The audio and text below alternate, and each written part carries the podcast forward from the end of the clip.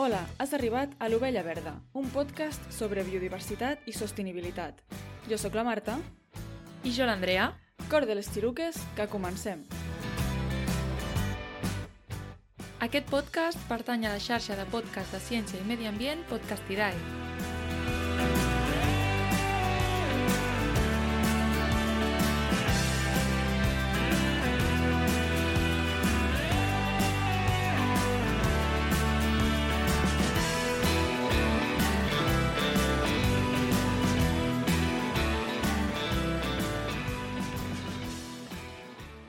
Comencem aquest episodi sobre desinformació climàtica amb la col·laboració d'una associació que ens encanta, que és Verificat. Avui ens acompanya l'Andrea Arnal, periodista científica i fact-checker de ciència, que ara ens explicarà què vol dir això. Hola, Andrea. Hola, què tal? Què tal? Com vas, Marta? Què tal, Andrea? Benvinguda al nostre podcast. Eh, què tal si abans de parlar sobre preguntes molt concretes, què tal si ens parles breument de tu i de la teva feina? Vale, bueno, jo sóc l'Andrea, sóc periodista de, de Verificat, eh, que és una agència, com es diu, de fact-checking catalana, sóc de Madrid, llavors, eh, perdó si el meu català no és 100% perfecte, però, però bé. Eh, les agències de fact-checking són com redaccions on des, desmunten rumors de política, de qualsevol cosa que apareixi en les xarxes socials i també relacionats amb la ciència. En el meu cas, perquè sóc periodista de ciència especialitzada en clima i ara faig coses de desinformació climàtica en un projecte que es diu Els mentires intoxiquen el planeta, on nosaltres monitorem, monitoritzem perdó, podcast on es parla de canvi climàtic i veiem si hi ha des desinformació climàtica o com és aquesta desinformació, si té a veure amb la negació en pure, que és, per exemple, el canvi climàtic no existeix, o té massa a veure amb la relativització, com a dir que sí, hi ha canvi climàtic, però no és tan important. També hi ha un altre tipus de narrativa, que és com nosaltres mm, diuen que són aquestes frases, aquestes paraules de negació climàtica, que mm, no dic que el canvi climàtic existeix, però no està causat per l'home. Llavors, hi ha moltes narratives diferents. La desinformació climàtica no és sempre eh, negant el canvi climàtic, però té com moltes formes de, de ser. Uh -huh. A nosaltres ens encanta el que feu, ja fa un temps que, que us seguim, perquè precisament Gràcies. aneu a l'inici de tot, no? el més bàsic, perquè el que ens ha passat, o sigui, a nosaltres ens agrada molt informar-nos i divulgar eh, sobre la lluita climàtica, però clar, ens hem trobat també a vegades en converses debatint amb persones que neguen el canvi climàtic i la veritat és que si no estudies i et guardes els, els articles científics i pràcticament els memoritzes, és més difícil del que sembla debatre amb aquestes persones. I clar, és com que nosaltres ja estem en, en altres debats en quant a la crisi climàtica, més en com ho fem, no? com, com l'afrontem, que no pas en, en debatre si existeix o no, perquè eh, tenim molt clar que sí. Per tant, avui volíem parlar amb tu d'alguns volors o arguments negacionistes que potser ens podem trobar a l'hora de debatre precisament amb negacionistes per entendre d'on ve aquesta falsa informació i com es pot rebatre fàcilment. Llavors hi ha una cosa que sabem que es fa molt des de la vessant negacionista i és analitzar casos aïllats per dir que el canvi climàtic no existeix. Per exemple, eh, hi ha una foto del port de Sydney on es veu el nivell del mar i aquesta foto, de, que és de fa 140 anys, la comparen amb una foto actual. I en la foto realment doncs, es veu que el, el nivell és mm, bastant semblant o és el mateix. Llavors, això la gent, els nacionalistes del canvi climàtic, ho utilitzen per dir que no existeix el canvi climàtic. Què en penses d'aquest anàlisi?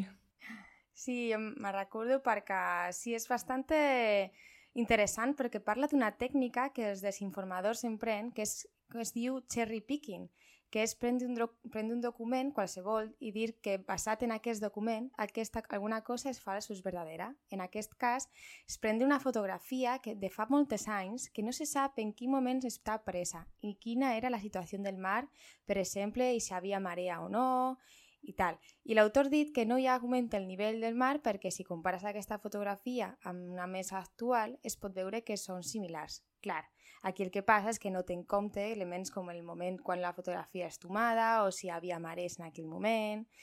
A veure, hi ha moltes informes que diuen que l'augment del mar s'ha produït i que es pot veure en moltes ciutats, però clar, comparar una fotografia amb altra no dir res. Sorprendentement, aquest tuit vaig tenir molt impacte a xarxes socials. Estava molt sorprendida per l'impacte d'aquesta fotografia, sí.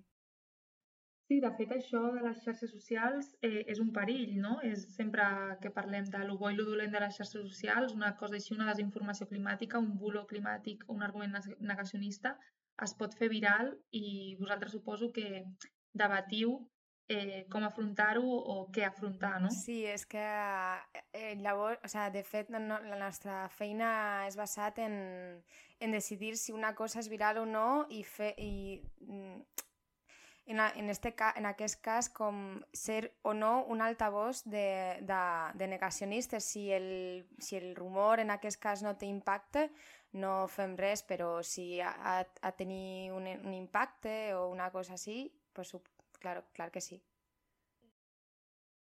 Sí, de fet jo vaig buscar en el vostre article, que aquest justament vau decidir com afrontar-ho, no? I escriure un article que, que me'l vaig llegir i justament dèieu que, dèieu, bueno, la ciència diu que, que justament al port de Sydney eh, el nivell del mar està augmentant uns 10 centímetres eh, en aquests 140 anys, perquè augmenta 7,9 centímetres cada segle. Vull dir, això està documentat i em fio molt més, confio, evidentment, en, en aquestes dades. Eh, Clar, a més han estat, han estat mesurades amb aparells. Exacte. Eh, sí. Que no per una fotografia, no? Eh, llavors, això també passa molt amb, amb la temperatura, aquests arguments que, que es donen. Quan diem que estem en plena onada de calor, ho associem amb el canvi climàtic i diem que cada cop la temperatura està pujant més i que les onades de calor seran més freqüents. Doncs hi ha gent a les xarxes que pugen fotografies de mapes més antics amb les mateixes temperatures i dient que nosaltres som uns alarmistes, que simplement li hem canviat el color, que abans fa 20 anys li posàvem un color verd i, i hi havia 35 graus i que ara també hi ha 35 graus i li posem un color vermell. A veure, el tema amb els colors és que simplement eh, els meteoròlegs donen un color a una temperatura concret dada, però no té res a veure amb si aquesta temperatura és millor o pitjor o...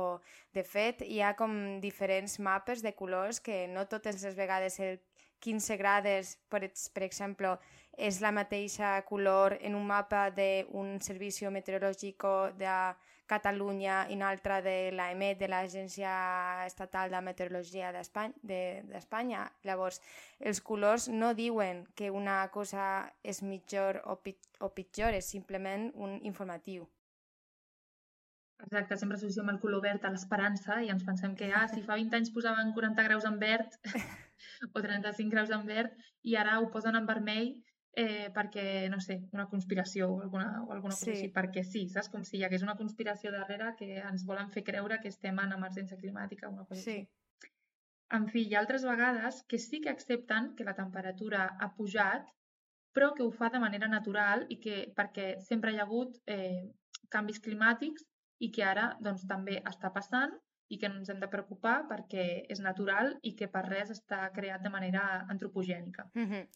Sí, en el cas de, de, de l'augment de temperatura di, diuen que el clima cicli, aquí m'agrada dir que si, per exemple, hi ha un meteorit, meteorit que s'apropi a la nostra planeta, eh, la gent, és com si diuen que no faríem res perquè hi ha hagut uns altres meteorits en el passat. Eh, és com, a veure, és, eh, perquè hi ha canvi climàtic ara, hi ha hagut eh, canvi climàtic en el passat, eh, és com no, no fer res, no.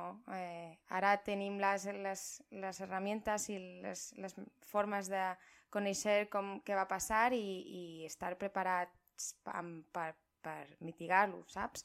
I també és un discurs que té presència a la política i ho hem vist en nombroses vegades, ho ha dit la presidenta de la Comunitat de Madrid, Isabel Díaz Ayuso, fa unes setmanes i també l'expolítica Esperança Aguirre aquest estiu. O sigui, que és molt conegut aquest discurs, però també és fals. Ja, ja que, si bé és cert que hem tingut en el passat en altres canvis climàtics, aquesta demostra o sigui, està demostrat que està causat per l'home i que, a més a més, és, els canvis són més ràpids que en altres canvis climàtics del passat. Mm -hmm.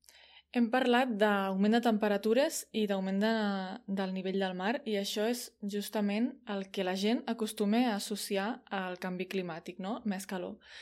Però, clar, eh, ens trobem després amb la problemàtica que quan arriba l'hivern i venen onades de fred o temporals molt forts, eh, es torna a negar el canvi climàtic. Llavors, com podem explicar que a causa del canvi climàtic justament augmenten els fenòmens climàtics extrems? Clar, este tema és difícil per quan parlem de canvi climàtic és com si en parlàssim solament d'escalfament global, com has dit, però canvi climàtic implica moltes altres coses que tenen a veure amb un canvi en la circulació atmosfèrica. És a dir, que fenòmens que en el passat no eren supernormals ara són més freqüents en són regions que en el passat tampoc hi havia aquests fenòmens, saps? I, clar, això també significa, per exemple, que les tempestes són més intenses, però perquè, per exemple, los, a veure, perquè els, els oceans estan més calents. Eh, això en el Mediterrani es pot sentir, significa tempestes més intenses inclús a, les, a la tardor o a l'hivern. El canvi climàtic és canvi a la circulació atmosfèrica i independentment del, de l'escalfament global també hi ha canvis en els fenòmens extrems. Eh, a veure també que en una regió un dia o una setmana concret no feu calor no significa que la tendència global és d'escalfament general, que també hi ha rumors que diuen que, clar, perquè ara, com hi ha 10 mm, grads en, en aquesta regió de no sé què part de, del món, eh, no hi ha escalfament global. No, perquè eh, aquests canvis són... En, mm, no tot, tota l'estona són lineals, eh, els canvis són més a vegades, a vegades hi ha menys, menys temperatures eh, i és global. A vegades és en una regió, en altra és en l'altra. I ara que deies això dels uh, fenòmens climàtics extrems, es pot saber si, per exemple, el temporal Glòria o el Filomena, que són casos puntuals, són a causa del canvi climàtic?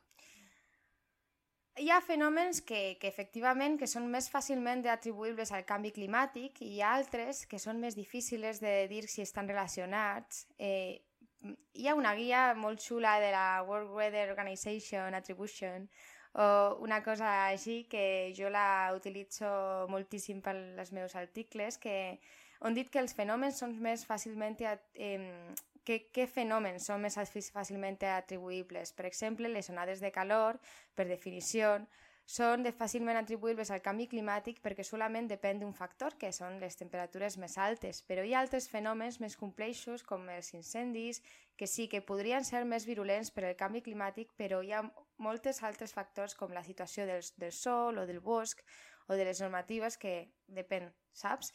Eh, és per això que hi ha estudis anomenats estudis d'atribució on els experts investiguen si realment es pot dir que un fenomen concret està relacionat amb el canvi climàtic o no. Són posteriors, llavors no es pot saber immediatament si un event concret està vinculat, per exemple, quan la fenomena o aquests events eh, eh, necessitem d'uns estudis d'atribució per conèixer eh, si, està, si estan verdaderament vinculats al canvi climàtic. Mm -hmm. Molt bé. Doncs a part de volors negacionistes, eh, desinformació climàtica, les xarxes, també volíem parlar d'una cosa una mica més divertida, que són els memes, però els memes científics o els memes climàtics, eh, que és que en, en veiem sovint a les xarxes per, per gent com nosaltres que vol divulgar ciència i s'adapta als nous temps i ho fa en forma de, de memes. Eh, I hi ha un que aquest estiu ha sortit, l'estiu del 2022, l'estiu del 2021 també va sortir, segurament algun altre estiu, no ho sé. Eh, jo l'he vist ja dos estius. Eh, és el mem del Homer Simpson i del Bart Simpson, que el Bart diu aquest és el pitjor estiu de la meva vida i llavors el Homer no, sí, el, sí, diu, sí. el Bart li diu aquest és el és o l'estiu més calorós de la meva vida o el pitjor estiu, vale? tindria sentit, i el Homer li diu eh, és el millor de la teva vida de la resta perquè, de la teva perquè vida, no? anirà, sí, de la resta de la teva vida, perquè en, tot anirà pitjor. O sigui, és el més fresquito, és el més Sí. fresquet perquè a partir d'ara sempre serà eh, més calorós. Llavors jo vaig veure, o sigui, a mi sempre m'ha semblat bé, de fet, a, aquest mem, o sigui, m'agradava. Però llavors vaig veure que, a part Twitter, eh, que a tu no t'agradava tant i que, tenia, i que tenies part de raó i m'agradaria que ho comentessis aquí, si us plau.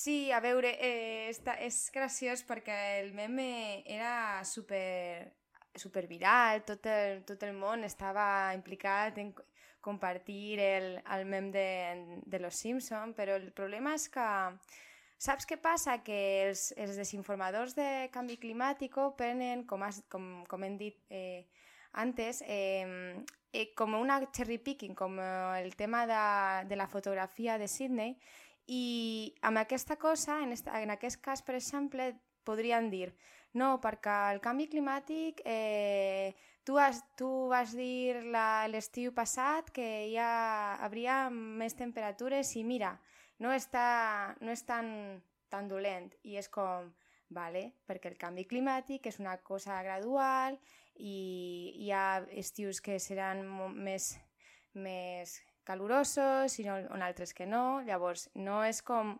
Eh, no és un, un, procés, un procés di, di, de, vam, vam dir, o sea, exponencial, exponencial no? sí, exactament. Eh, I és per això que a mi me preocupava aquest tema, perquè, per això, per, perquè lo, les desinformadors prenen les, les coses de la forma més literal pues, possible.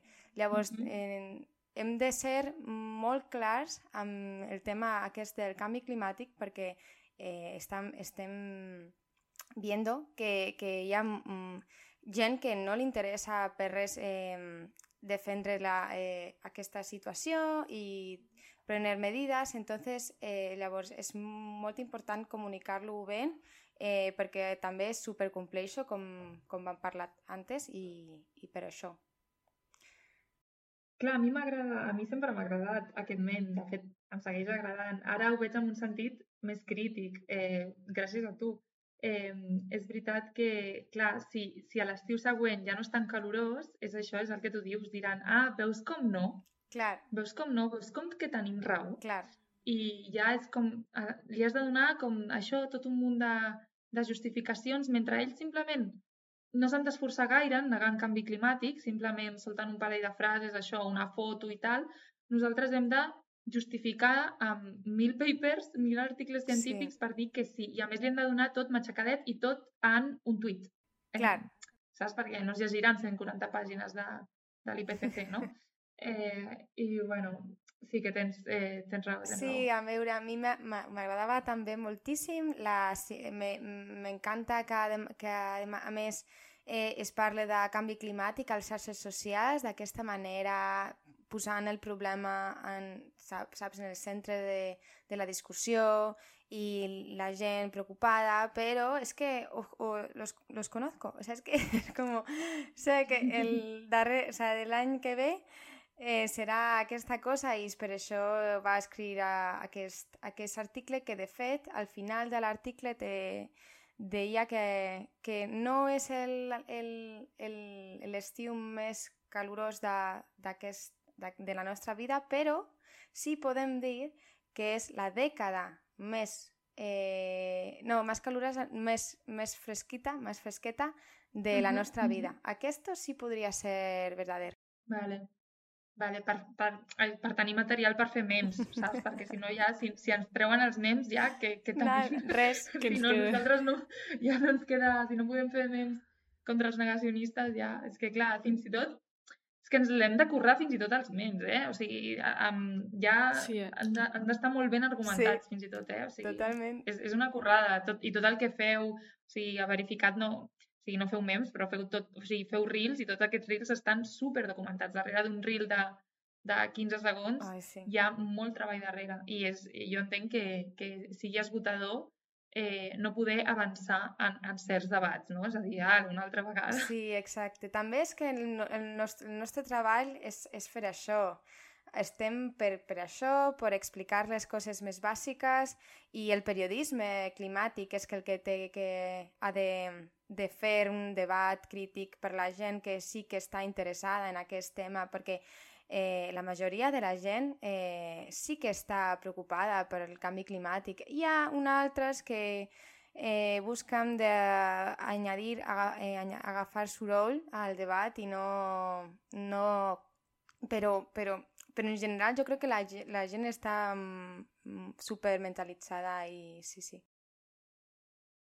Doncs moltíssimes gràcies, Andrea, per aquest temps. Eh, encantada de, de que hagis vingut com a Andrea i com a, i com a representant de Verificat. A vosaltres. Ens encanta molt el que feu i esperem que algun dia tingueu una feina diferent, evidentment feina relacionada amb la feina climàtica, però no tota l'estona contra negacionistes, no? O sigui, això voldria dir que heu fet una feina espectacular. Imagina.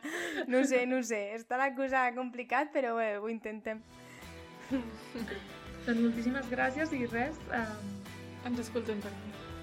això. Adeu. Adéu, Andrea.